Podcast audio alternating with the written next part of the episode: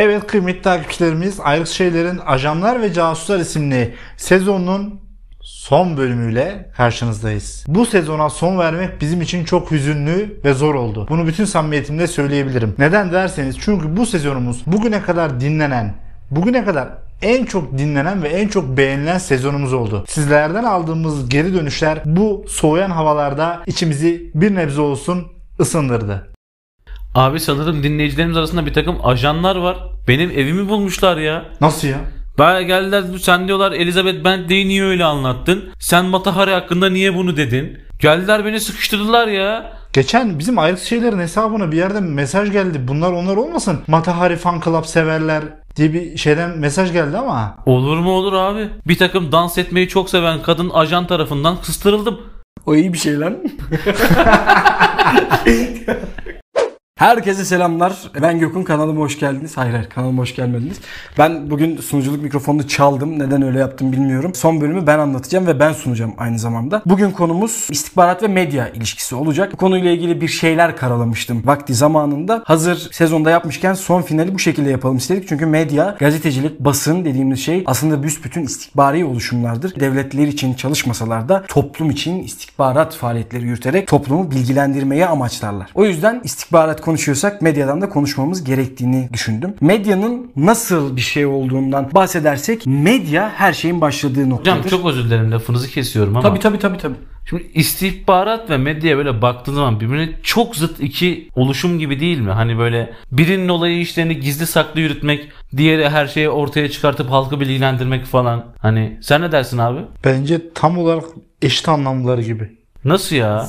Hayır öyle değil. Çünkü aynı kökten gelirler. İstihbaratçı topladığı bilgiye istihbarat şeklinde bir isim verirken gazeteci yani basın, medya topladığı bilgiye haber adını verir ve Arapça ikisi de aynı kökten gelmektedir. Aslında farklı değiller. Sadece biri ülkelerin ulusal güvenliğini ve toplum huzurunu sağlamak için faaliyetler yürütürler. Bunun toplumun bilmesine gerek yoktur. Aslında istihbari bir şekilde elde edilen bilgiler basına düştüğü zaman da haber niteliği taşır. Yani haber, habere, hubere, istihbarat bunların hepsi Arapça aynı kök değil mi Gökhan? Yani kelime kökenleri aynı olan iki terimin tamamıyla birbirinden zıt şeyler olduğunu söylemek zaten etimolojik olarak da çok da sağlıklı olmayacak. Kesinlikle. Amaçlar farklı. Biri sadece karar vericileri bilgilendiriyor. Yani istihbarat karar vericiden kastımız ülke yöneticileri, bakanlar, cumhurbaşkanları, devlet başkanları. Bunlar karar vericiler. Onları aydınlatmak ve bilgi ışığında onların karar vermelerini kolaylaştırmak için kullanılıyor. Diğeri de toplumun karar vermesini kolaylaştırmak için kullanılıyor. Bu bağlamda bakar bakarsak medyanın şöyle de bir özelliği vardır.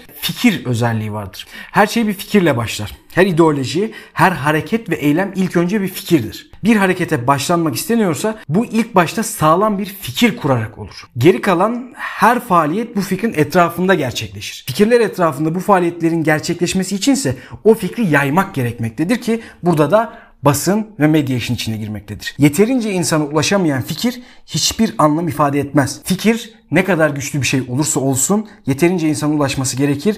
Bu gücünü, fikirlerin bu gücünü sağlayan da medyadır. Fikir hem her şeyi başlatacak kadar güçlü hem de yayılmadığı takdirde yok olacak kadar güçsüzdür yani. Fikir yayma faaliyetleri genel itibariyle çağın medya araçlarıyla gerçekleştirilir. Yani aslında medya ve basın çağ içerisinde ilerleyen en güzel çağ yansıtan oluşumlardır. Çağa göre ilerlerler. Gelişen teknolojiye ayak uydururlar. Kesinlikle Yani öyle. dün dergi, ondan önceki gün gazete, bugün televizyon, radyo. Tam oraya gelecektim. 18. ve 19. yüzyılda artık milliyetçilik akımının, hürriyet ve özgürlük akımının yayılmaya başladığı Fransız ihtilali sonrasında asıl medya araçları gazeteler ve mecmualardır. Ki günümüzde bu böyle değildir tabii ki de. Mecmualar her zaman önemli yer tutmakta olsalar da matbu yayından dijital yayına geçilmiş bulunmaktadır ki bu sosyal medya gölgesinde yürümektedir. Yani şunu söylemek istiyorum. Eskiden bir gazete basıldığında nasıl insanları aydınlatıyorsa artık bir sosyal medya hesabı insanları çok rahatlıkla aydınlatabilir haberleriyle. Dijitale geçilmektedir. Bunun önemini Mustafa Kemal Paşa Kurtuluş Savaşı sırasında elindeki az miktarda parasıyla Minber gazetesini satın alması ve çıkartmasıyla anlatabiliriz basının önemini. Mustafa Kemal Paşa kurtuluş fikrinin yayılmadığı takdirde hiçbir işe yaramayacağını o dönemlerde fark etmiş, o dönemlerde anlamış bir isimdir ve bunu yaymak için de Minber gazetesini satın almıştır. Zaten kendisinin Kurtuluş Savaşı içerisinde yürüttüğü mücadelede de Orta Doğu'daki faaliyetlerini bir gazeteci kimliği altında yürüttüğünü de unutmamak gerekir. Kesinlikle. Ki oraya da geleceğiz. İstihbaratçıların gazetecilik sıfatını kullanarak daha rahat istihbari faaliyet yürütebilmelerine de geleceğim birazdan. Mustafa Kemal Paşa'nın Kurtuluş Savaşı ve milli mücadele yıllarında da güçlü hatiplerle birlikte büyük mitingler düzenlemesi ki Sultanahmet mitingi Halide Edip Adıvar'ın burada önemli yer tutmaktadır. Büyük mitingler düzenlemesi de yine aslında medyayı ve basını, kurtuluş fikrini insanlara ulaştırmak istemesi ve meydanları bir medya aracı olarak kullanmasından gelmektedir. Ve Kurtuluş Savaşı'nı topluma o kadar iyi anlatmıştır ki Kurtuluş Savaşı başarıya ulaşmıştır. Derdini anlatamayanın derman bulamayacağını düşünüyoruz. O yüzden bir konu hakkında hitap etmek, hatiplik yapmak ya da meydanlara, gazetelere propaganda amaçlı konuşmalar vermek çok önemli. O dönemde hiç kimsenin sesi olabilecek, kimsesizlerin sesi olabilecek, kimsesizlerin sesini duyurabilecek bir yayın organı yok. Sadece ne var? Varsa yazılı bir gazete var. Onun haricinde belli büyük cami avlularında, meydanlarda insanlara bilgilendirme toplantısı yapabileceğiniz alanlar var. Başka da hiçbir şey yok. E bunu da o dönemin medyası olarak değerlendirebilir miyiz? Kesinlikle değerlendirebiliriz ki bu söylediğin şeyi destekleyen Halide Edip Adıvar'ın da bir sözü var abi. Bu milletin bedbah evlatlarıyız diyor konuşmalarından birinde. Hatta burada farklı bir örnek de ben vermiş olayım. İran İslam Cumhuriyeti resmi adıyla kurulacağı zaman yani onların deyişiyle İran İslam devrimi olmadan önce Ayetullah Hümeyni'nin gene onlara göre Ayetullah Hümeyni'nin Tahran etrafındaki esnafları ki oradaki esnaflık kültürü çok önemli. Belli başlı ayaklanmaların ortaya çıkabilmesi ve esnaf kesimin gücün arkasına alabilmesi için onları etkileyebilmesi gerekiyordu. O dönem yurt dışında olan yani ülkesi dışında olan Hümeyni kasetlere kendi ses kayıtlarını çekip bu esnafların pazar dedikleri bölgelerde bu kasetleri kendi ajanları tarafından dağıttırıyordu. Ve Hümeyni'nin sesini İran'daki bu onlara göre İslam devriminden önce bütün esnaf fikirlerini ve düşüncelerini bu sayede biliyorlardı. O da mesela böyle bir yöntem seçmişti kendisine. Yine medyayla faaliyetlerini yürütmüş Dönemin medyasıyla. dönemin medyasıyla. Bizim ilk sezonlarda bahsettiğimiz Hitler'in propaganda bakanı Goebbels insanlar radyo alsınlar diye büyük bir teşvik ortaya koymuştu. İnsanlar radyo alsınlar ve onları daha fazla etkileyebilelim istiyorlardı. Çünkü Hitler'in en önemli propaganda aracı radyoydu. Ki Neden? o dönem o dönem radyo parlıyordu. Her eve girebilmenin anahtarı radyoydu. Küçük, el kaplamaz, herkes evinde almak ister olmasını ister. Medyanın bir yandan da şöyle bir önemi var. Bilgi kirliliği ortaya çıkartmak için medyayı kullanabilir. En büyük örneğini günümüzde terör eylemleri yürüten terör örgütlerinden sağlayabiliriz. Kendi yapmadıkları eylemleri kendi basın ve medya organlarıyla üstlenen, biz yaptık diyerek şaşırtmaya çalışan, kendi propagandasını yapmaya çalışan terör örgütleri burada istikbari bilgi kirliliğini ortaya çıkartmaktadır. Savaşlarda dahi istikbari faaliyetler bilgi kirliliği. Bakın altını çizerek söylüyorum. İnsanları manipüle etmek için, propagandaların doğru ilerlemesi ve etkilemek için medya kullanılır. Yine 2. Dünya Savaşı'ndan gidersek Almanlar yenilmek üzereyken Alman ordusu çok iyi gidiyor. Alman ordusu şurayı da aldı, burayı da aldı diye radyolarda propaganda yaptıkları sırada Berlin'in kapılarına dayanmıştı ve ondan yaklaşık 24 saat sonra Berlin teslim olmuştu. Buna başka bir örnek daha verelim. Bu sefer de günümüze gelelim. Günümüzde az önceki örnekte de verdiğim gibi İran mesela bunu çok aktif bir şekilde kullanıyor. Nasıl kullanıyor diyeceksiniz. İran'ın günlük gazetelerine açın bakın. Özellikle Mehir News gibi gazetelerine ya da İran resmi haber ajansının İRNA'nın haber sitelerine açıp baktığınızda şunu görürsünüz. Her gün İsrailli bir yeri vuracaklarını söylerler. Her gün ama bak istisnasız. İşte füzelerimizin menzilleri İsrail'i yerle bir edecek güçte. Yeni bir füze bulduk. İsrail'i istesek 24 saatte yok ederiz. Ordumuz şunu yaptı. İstihbarat servisimiz şunu yaptı, bunu yaptı, onu yaptı, bunu yaptı. E, elde ne var? Hiçbir şey. Tamamen kendi iç kamuoyunu yönetebilmek adına hem istihbarat bilgilerini saptırıyorlar hem de medyayı, basını kullanarak iç kamuoyunda kitleyi diri tutmaya çalışıyorlar. Bir de böyle bir yönü var. Şimdi ikinizin de verdiği örnekler bana şeyi hatırlattı. Birinci sezonumuzun 7. bölümünde incelediğimiz Reason and Emotions çizgi filmini hatırlar mısınız? Aa Evet, evet, evet. doğru. Çok güzel bir propaganda alegorisiydi o çizgi film. Kesinlikle buradan hem dinleyicilerimize o çizgi filmini YouTube üzerinden izlemelerini tavsiye edelim. Hem de çizgi filmi izledikten sonra birinci sezonumuzun 7. bölümü Reason and Emotion isimli çizgi filmini konuştuğumuz podcastimizi dinlemelerini de tavsiye eder miyiz Emran? Kesinlikle deriz abi. Bir zamanlar gündemimizde olan ki ayrık şeylerde de bu konuyla ilgili bir bölüm kaydettiğimiz Ukrayna-Rusya savaşında da Putin'in Rusya'da iktidara geldikten sonra kendisiyle ilgili işte çok genç durmasının, yakışıklı olmasının, güçlü olmasının, hayvansever olmasının, Türkiye'de ajan olarak faaliyet gösterdiği Photoshop'la bazı görseller ve videolar servis edildi. Kendisi kendi imajını yine kendi istihbarat ve propaganda servisleriyle yürütmeye devam ettiğini görüyoruz. Yani toparlayacak olursak toplumları yönetmek istiyorsanız iki büyük kural var. Birincisi iyi bir istihbarat ağınız olacak. İkincisi iyi bir medya basın ağınız olacak. Propaganda ağınız olacak. Devam etmek gerekirse bu noktada şunu görüyoruz. Basın o kadar büyük bir güç ki doğru şekilde yapılmadığı takdirde bütün insanlara büyük bir hayal, büyük bir yalan içerisinde yaşadıklarını farkına bile vardırtmadan yaşamlarını sürdürtebilirler. Sırf bu yüzden gazetecilik metodolojisinin her çağda değiştiğini görmek mümkündür. Gazetecilik metodolojisinin değiştiğini görmek mümkün derken yeni medya ve basınla değiştiğini söylüyorum. Yani bugün artık ana akım medyanın söylemediği birçok şey sosyal medyaya düşüyor ve sosyal medyada herkes kendi bölgesinde bölgesinin gazetecisi, muhabiri olabildiği için ya da istihbaratçısı olabildiği için toplumu çok doğru bir şekilde bilgilendirebiliyoruz. Tabi bunun kötü yanları da var. Çok spekülatif bir şekilde yanlış bilgiler de ortaya çıkabiliyor birçok büyük gazetenin, birçok kanalın istihbarat birimleri vardır. Gerçekten istihbarat birimi olarak geçer bunlar. Haber toplarlar. İstihbarat medyada da çok büyük önem taşır. Çünkü elinde bir basın, bir medya aracı vardır. Toplumu doğru ya da yanlış yönlendirebilir ve iç karışıklıkları gazetecilik sıfatıyla rahatlıkla çıkartabilirler. Bunun örneklerini zaten çokça görüyoruz. Bazı günümüzde fake news olarak verilen yani yanlış haber, hatalı haber, asparagas, olmayan haber. Bunlar zaten hemen hemen bütün toplumlarda yapılan bir şey bu. Bu haberleri salarak toplum içerisinde huzursuzluk çıkartmak ya da terörizmi yaymak ya da iç karışıklıklara sebep olmak vesaire gibi ya da bazı zamanlar hükümet devirmek için bile kullanıldıkları oluyor. Sırf bu yüzden Dur. Bakayım duracak mısın diye merak ettim.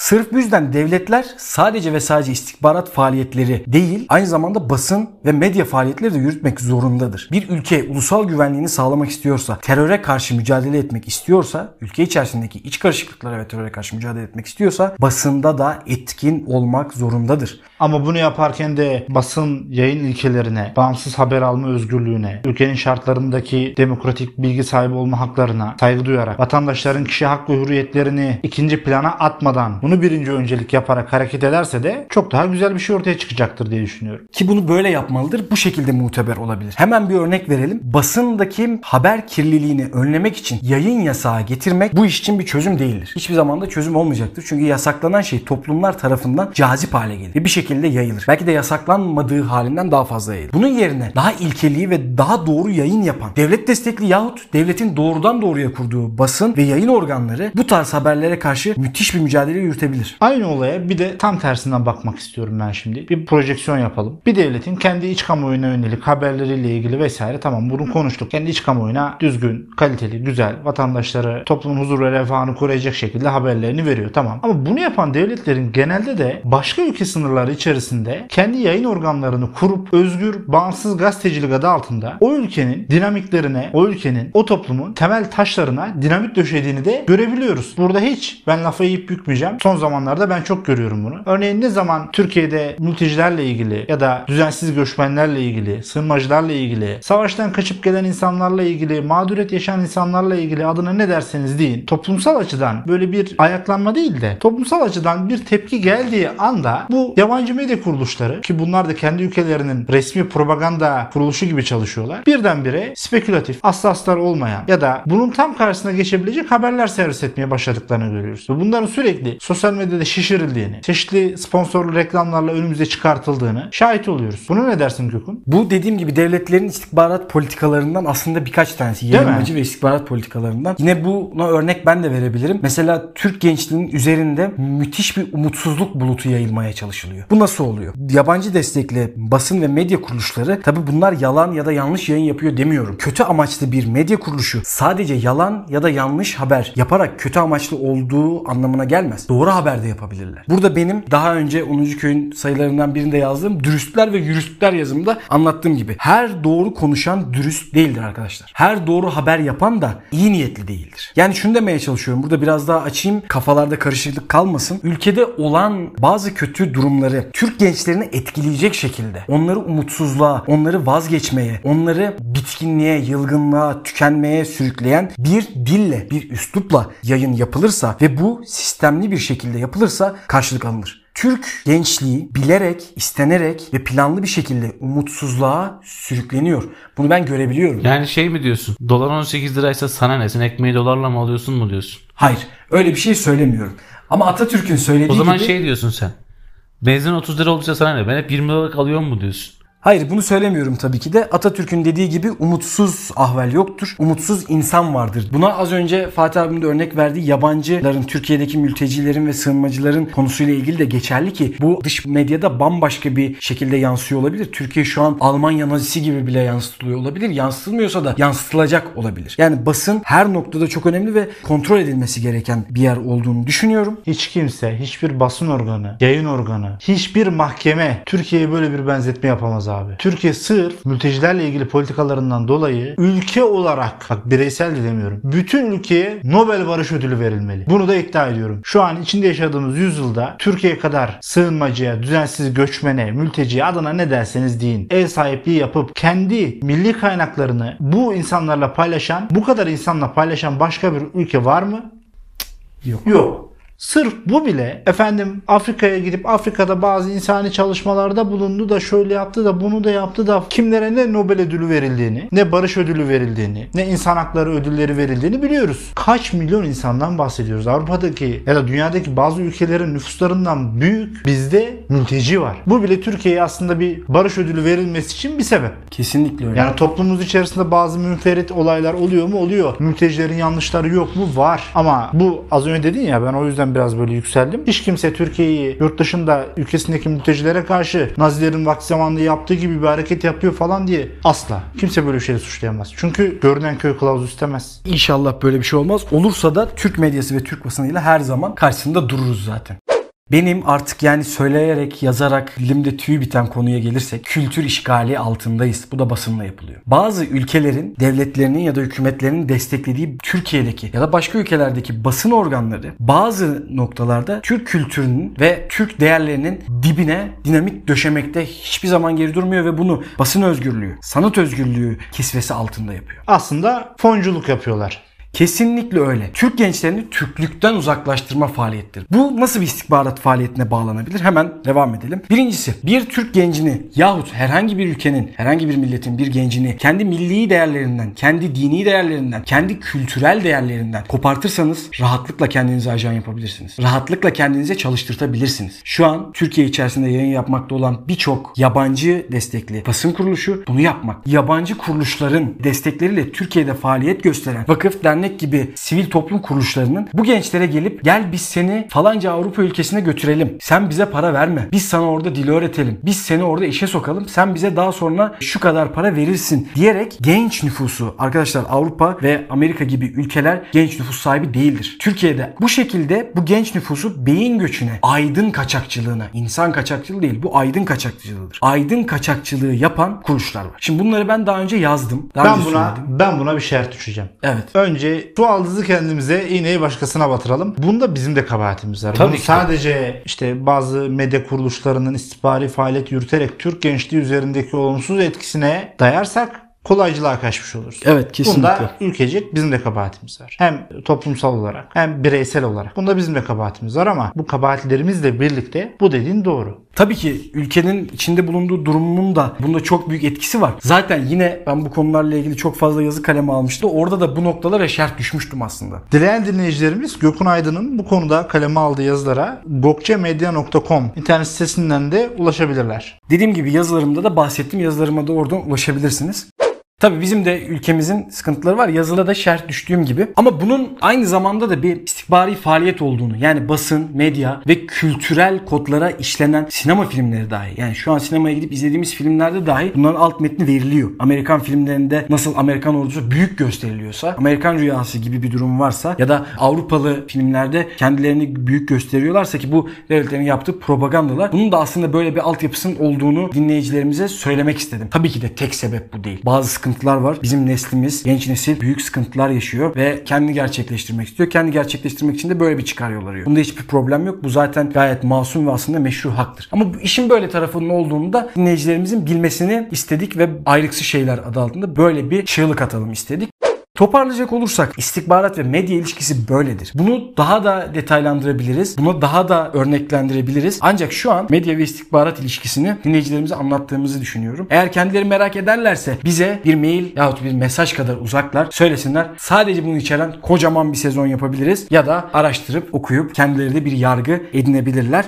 Evet kıymetli dinleyicilerimiz, ajanlar ve casusları konuştuğumuz bu sezonumuzu Gökhan Aydın'ın hem son yazısından hem de diğer çeşitli köşe yazılarından hareketle sizlerle aslında serzenişlerini ve istihbarat, medya, habercilik, spekülasyon üzerinden yapmış olduğu derlemelerini ele aldığımız bir bölümümüz oldu. Bu bölüme sunmuş olduğu katkılardan dolayı Gökhan Aydın'a ve Emirhan'a katılımlarından dolayı çok teşekkür ediyorum.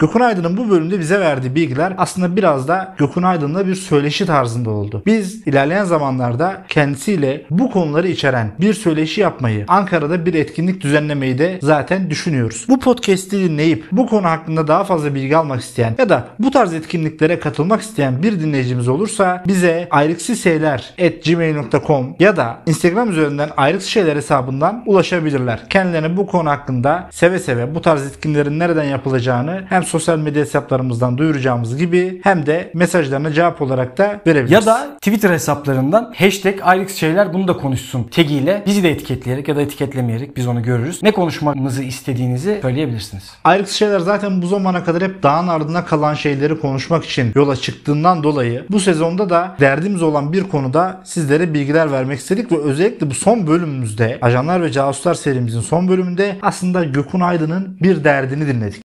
Evet kıymetli dinleyicilerimiz bu sezonumuzu bu şekilde sonlandırabiliriz. Ayrık şeyler olarak çok yakında bambaşka sezonlarla, bambaşka etkinliklerle, bambaşka söyleşilerle ve Türkiye'de eşine ender rastlanan canlı podcast kaydı gibi dinleyicilerimizle beraber canlı bir yayın etkinliği de yapacağımızı şimdiden duyurmuş olalım. Belki yarın, belki yarından da daha yakın. Yok Bütün yok, bun- yok belki de daha geç. Belki yarın, belki yarından daha yakın. Tüm bunlardan haberdar olmak için lütfen sosyal medya hesaplarımızı takip ediniz. Ayrıksı Şeyler, Ayrancı stüdyolarından sürdürmüş olduğu Ajanlar ve Casuslar sezonunu burada noktaladı. Ayrıksı Şeyler keyifli dinlemeler diler. Beyler görüşmek üzere. Görüşmek üzere. Görüşürüz.